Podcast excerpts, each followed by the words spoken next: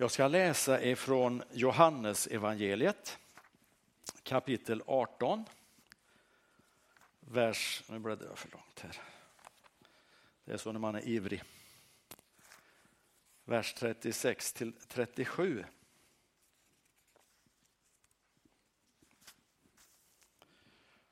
Och där så står det så här då att Jesus säger till Pilatus, han är fängslad, så säger han, mitt rike hör inte till denna världen.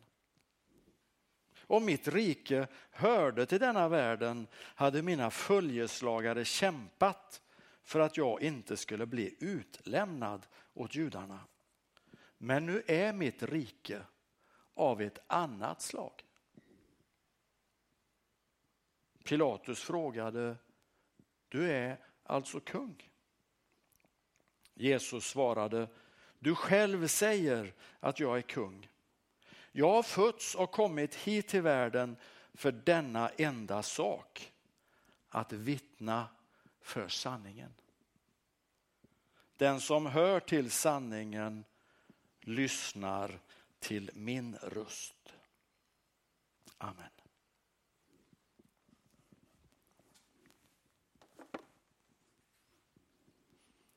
Vet inte om man ska stå så man inte hamnar bakom skogen av ställ här. Förra söndagen så var det domsöndagen. Och eh, den som eh, lyssnade till texterna då var på gudstjänst så, så var det texter som på sätt och vis nästan handlar om att komma till korta. Att de inte räcka till. Att man kanske inte ska vara så självklart säker på att man är välkommen in i värmen. Att ens liv väger för lätt när det summeras. Alltså så kan man nästan känna för en del av de där texterna. Och så idag så är temat ett nådens år. Alltså det är ju fantastiskt. Det innebär att det som ligger bakom, det är passerat. Det är förbi och nu står du med möjligheten till nya val. Till en ny inriktning för ditt liv. Advent handlar om Jesu ankomst. Det är ju till och med så att advent betyder ankomst. Och vi har hört berättelsen här om hur Jesus rider in i Jerusalem och folket jublar. Och advent är en påminnelse för dig och för mig att Jesus har kommit för din skull, för min skull. En av dagens texter som vi inte har läst så står det i Uppenbarelseboken 3 och 20. Se, jag står vid dörren och bultar. Om någon hör min röst och öppnar dörren ska jag gå in till honom och äta med honom och han med mig. Amen. Jesu ankomst handlar om att han vill dig något. Han har ett ärende, han har en tanke, han har ett erbjudande. Ett liv under helt nya förutsättningar. Jesus är intresserad av dig. Han är intresserad av ditt liv och du har fått gåvor och förutsättningar. Du är helt unik och det finns en plats för dig. Men så lever vi under de förutsättningar vi har som människor och kanske är det så att det finns en stor sorg inom dig. Kanske finns det något som ligger och skaver sedan många år.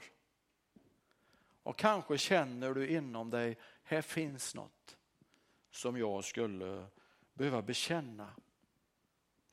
Något som liksom behöver komma ut i ljuset innan det kan läka. Och kanske finns det någon människa som du behöver be om förlåtelse. Jesus erbjuder befrielse, läser vi om när han berättar. Han erbjuder förlåtelse och han vill uppmuntra oss. Han vill ge oss mod att ta de steg som behövs för att kunna upprätta det som har blivit fel. Han kommer som en positiv kraft in i våra liv. Det som har knutit sig inom dig kanske har blivit hårt som granit vill han värma upp. Vill han mjuka upp. Han vill göra oss formbara för sitt rike. Han vill göra dig till ett redskap i sin tjänst. Att tacka ja till honom, att släppa in honom i sitt liv innebär också att bli en del av en gemenskap. Församlingen är ju en sån gemenskap av de som har tagit beslutet att de vill följa.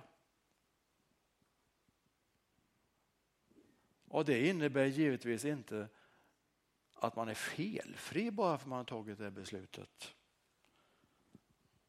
Nej, det krävs inte ens att man är felfri. De som följer Jesus är en skara helt vanliga människor. De har det gemensamt att de vill följa honom. Att de vill ge honom inflytande över sina liv. Det finns många krafter som vill ha inflytande över dig. Man vill ta reda på vad du är intresserad av som man kan skicka riktad reklam. Och så hoppas man att du ska bli deras kund. De vill använda dig, inte för din skull, utan för sitt eget bästa. Andra försöker göra dig osäker på att du duger. För att på det sättet försöka locka dig att nappa på deras fantastiska erbjudanden om ett lyckligare liv. Och så ligger det så nära till att man börjar anpassa sig till det som finns runt omkring. Vad ska andra tänka? Vad tror de om jag gör så här? Kan jag verkligen komma i de här kläderna? Alltså de byxorna jag skulle ta på mig i morse hade en fläck här upptäckte jag. Trots att jag vet inte vad jag gjort på morgonen. Vad gjorde jag? Jo, jag bytte byxor. Ett var helt rena med en liten fläck. Sån är jag. Författaren Magnus Malm säger, eller sa vid ett tillfälle, jämförelsen är djävulens påfund. Och Jesus han säger, mitt rike är inte av denna världen. Det riket vilar på ett helt annat fundament. Där behöver man inte bekymra sig om sin framtoning. För där går det ut på att man lägger sitt liv i Jesu händer. Och man får, ni har hört det förut, man får komma som man är. Man behöver inte alls räcka till. Och så står vi då som människor mellan två helt olika sätt att tänka. Och då är frågan, hur gör vi? Vad är det vi låter få styra och påverka oss? Det kan ju bli lätt så att även en kyrka, en församling tänker, utvärderar och bedömer precis på samma sätt som denna världen som Jesus talar om. Man vill ha synliga och mätbara resultat och så kanske man luras och fokuserar på verksamheter, på deltagande. Istället för att kyrkan tar med sig Jesus sätt att tänka och låter hans rike få påverka arbetsplatsen och arbetslivet så kanske det istället blir så att man lockas att ta med sig liksom arbetslivets tänk och den här världens sätt att tänka och resonera in i församlingslivet. Det säger sig själv att då handlar det inte längre om advent, om Jesu ankomst och inträde. Då handlar det om att ge plats egentligen på sätt och vis för det som Jesus tar avstånd ifrån. mitt rike hör inte till denna världen, säger Jesus. Om mitt rike hörde till denna världen hade mina följeslagare kämpat för att jag inte skulle bli utlämnad åt judarna. Och när Jesus, jag vet inte om ni kan tänka in i den där bilden när Jesus, nu är han ju då haffad, eller vad säger man, fängslad. Eh, och så finns ju lärjungarna någonstans och Jesus kallar dem för följeslagare. Men det där ordet för följeslagare, det är det ordet som används när Pilatus skickar sin vaktstyrka. Det är samma ord. Eller när översteprästerna skickar sin tempelvakt. Det ordet använder Jesus vid det här tillfället om sina lärjungar för att visa att hans vaktstyrka, det är, liksom, det, det är på ett helt annat sätt. Och så säger han att hade det varit som för dig Pilatus, då hade ju mina följeslagare kämpat med vapen. Men nu är mitt rike av ett annat slag.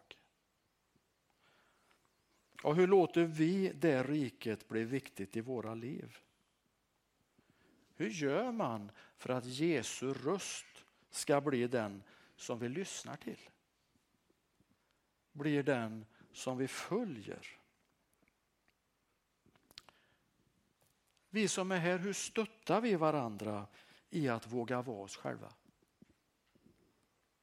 Hur hjälper vi varandra att vara sanna mot vår övertygelse och det vi tror på? Hur uppmuntrar vi varandra att aktivt göra de val som behövs för att Jesu rike ska bli tydligt i våra liv, i vår gemenskap? Det är när de frågorna ställs som vi förstår hur viktig församlingen är. För den vill vara platsen där frågor får ställas.